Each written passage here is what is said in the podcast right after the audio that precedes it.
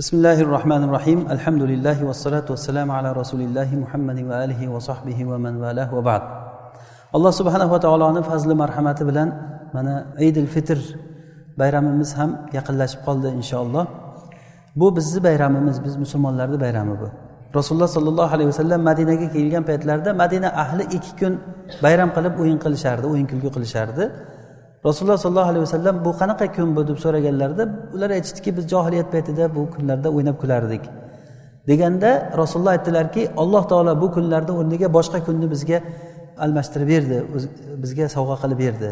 Ya'ni aydil fitr mana bu bizni keladigan hayitimiz va aydil adho undan keyin keladigan qurbonlik bayrami. Mana shu ikkita bayram bizni bayramimiz. Bu kunda xursandchilik qilishligimiz bu kunni olloh va rasuli xohlaganday ko'rsatganday bu kunni o'tkazishligimiz kerak bo'ladi. Shuning uchun bizga mana shu kunni o'ziga yarasha bir ibodatlari bor o'sha kunni odoblari bor. Buni har birimiz ko'pchiligimiz eshitganmiz har yili bu narsa takrorlanadi. Yana bir eslatma ma'nosida bir foyda uchun eid kunida qilinadigan bir odoblar haqida suhbatlashamiz. Birinchi eid kunida g'usul qilishlik va toza kiyimlarni kiyishlik bu sunnatdan bu. Ibn umar roziyallohu anhudan rivoyat qilinadiki u kishi rasulullohga juda qadamma qadam ergashgan sahobiylardan ibn umar roziyallohu anhu hayit kunida g'usul qilardilar va yaxshi kiyimlarni toza kiyimlarni eng yaxshi kiyimlarni kiyardilar degan. Mana bu hayit kunini ya'ni alloh subhanahu va taoloni bizlarga belgilab bergan bir kunini hurmatlashlikdan bo'ladi. Bu hayit kunlari shoirlardan ya'ni bizni dinimizni ko'rsatayotgan narsalardan. Masalan soqol qo'yishlik dinni shoiridan ayollarni ro'mol o'rashligi masjidlar mana bu dinni shoirlaridan biz mana bu narsani biz hurmatlashligimiz kerak bo'ladi. Shuning uchun ham bu kunda o'ziga yarasha bir boshqa kundan farqi bor. Ba'zi bir odamlar bor bu kunda haligi ishga borgan kuni yaxshi kiyimlarni kiyib chiqib ishga boradi shaharga bir markazga borsa yaxshi kiyimlarni kiyib boradida hayit kuni qishloqda yo o'zini mahallasida o'qilinganligi uchun uy kiyimida chiqadi. Ichki kiyimda chiqadi namozga. Bu sunnatga xilof narsa ya'ni bu kunni umuman u odamni e'tiborida bir e'tibori yo'q nazar nazariga olmaganligidan bo'ladi.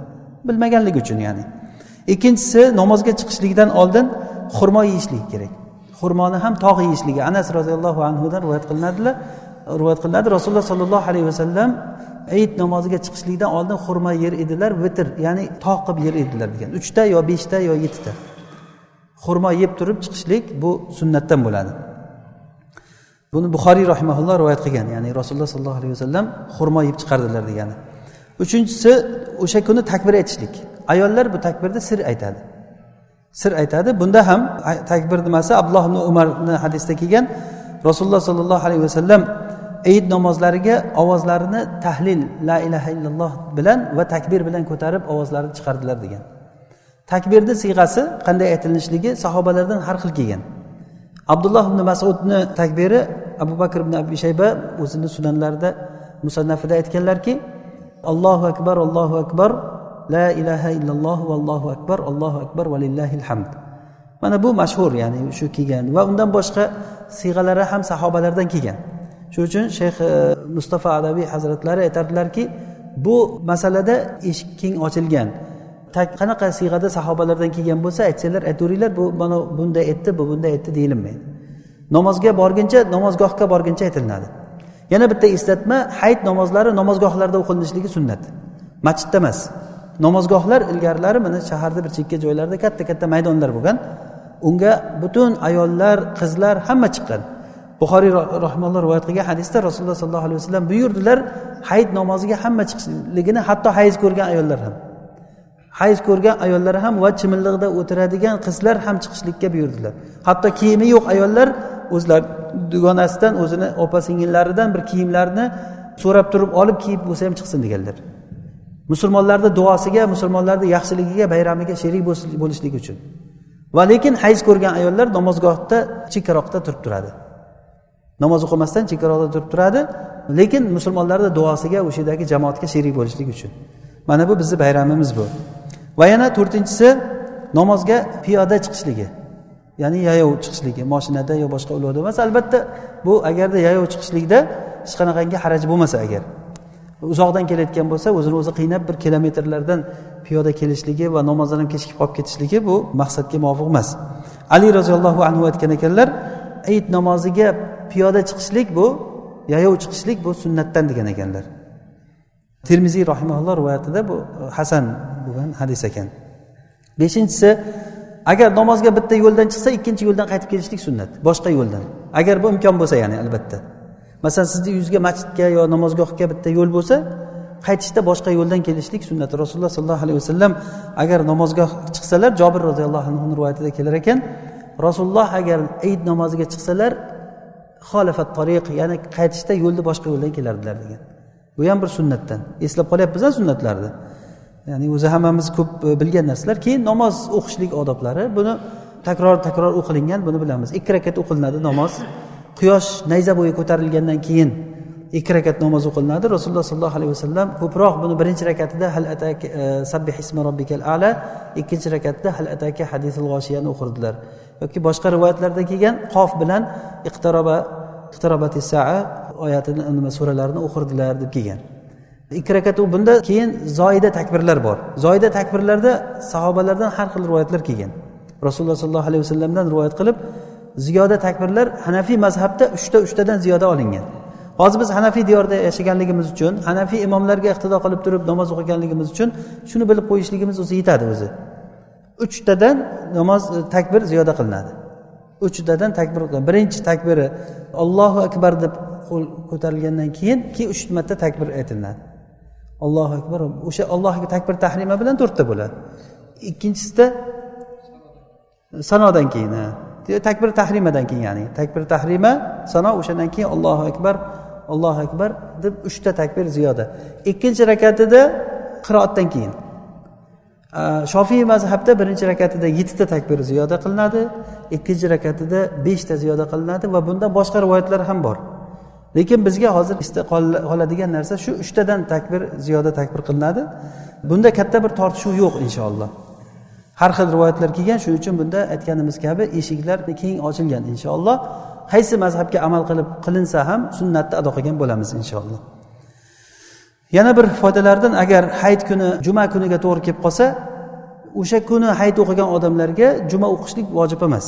Xohlasa o'qisa bo'laveradi. Juma o'qishlik xosatan chekkadan kelgan odamlar uchun vodiyalardan chekkadan kelgan odamlar uchun agar to'g'ri kelib qolsa endi bu yil unaqa emas. Inshaalloh ba'zi bir yillarda to'g'ri kelib qolgan paytlari ham bo'lgan edi. Keyin yana bir muhim bir foydalardan hayit kuni bir birini tabriklashlik. Bu narsa sahobalarni amalida bo'lgan narsa. Taqabbalallohu minna va mink deb sahobalar bir birlarini ko'rganlarida taqabbalallohu minna va mink ya'ni alloh taolo bizdan va sizdan qabul qilsin deb turib bir birlarini tabriklab duo qilganlar. Mana bu narsa ham o'sha eidni odoblaridan va yana aytganimiz kabi eid kuni xursandchilik kuni. Bu kunda bir birimizni xursand qilishligimiz mana fitr sadaqalari shu shu shuni bildiradi. Kambag'allar qo'liga yeydigan noni yo'q odamlarga qo'llariga fitr sadaqalari kelgandan keyin o'sha kuni xursand bo'lishadi. O'sha kuni kasallarni bir xursand qilishlik yetimlarni xursand qilishlik bir birlarimizni shunday bir hol ahvol so'rashligimiz bor. Lekin oxirgi tanbehimiz shu kundagi shar'iy muxolifatlardan saqlanishligimiz kerak. O'zi boshqa kunlar ham shar'iy muxolifatdan saqlanishimiz kerak lekin shu kunga xos bo'lgan shar'iy muxolifatlar bor.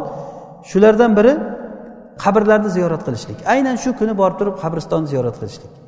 Ya'ni xursandchilik kuni bo'layotgan kunida qabristonlarga ketishligi odamlar o'sha kunini bir motamga aylantirib olishligi. Qabrga borma demaymiz lekin nega aynan shu kuni boradi?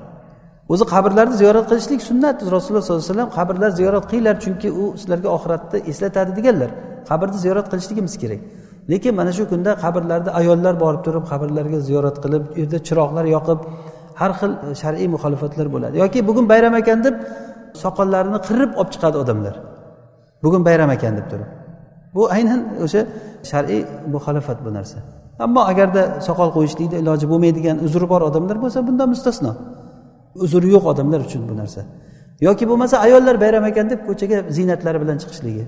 Bugun bayram deb turib ziynatli ko'ylaklar kiyib chiqishligi hijobli ayollar hijobliligi esdan chiqib ketib qolishligi mumkin bayramligi uchun. O'sha narsalarni eslatish kerakki yoki bo'lmasa bir qarindoshlar bir yig'ilgan paytda bayram ekan deb erkaklar ayollar bilan aralash quralash bo'lib qarindoshlar hammasi bir joyda to'da bo'lib o'tirganligini ko'rasiz. Qo'l berib ko'rishib shunaqangi bir muxolifat ishlar bo'ladi. Rasululloh sollallohu alayhi vasallam qo'llari hech qachon bir ayolni qo'liga tegmaganlar.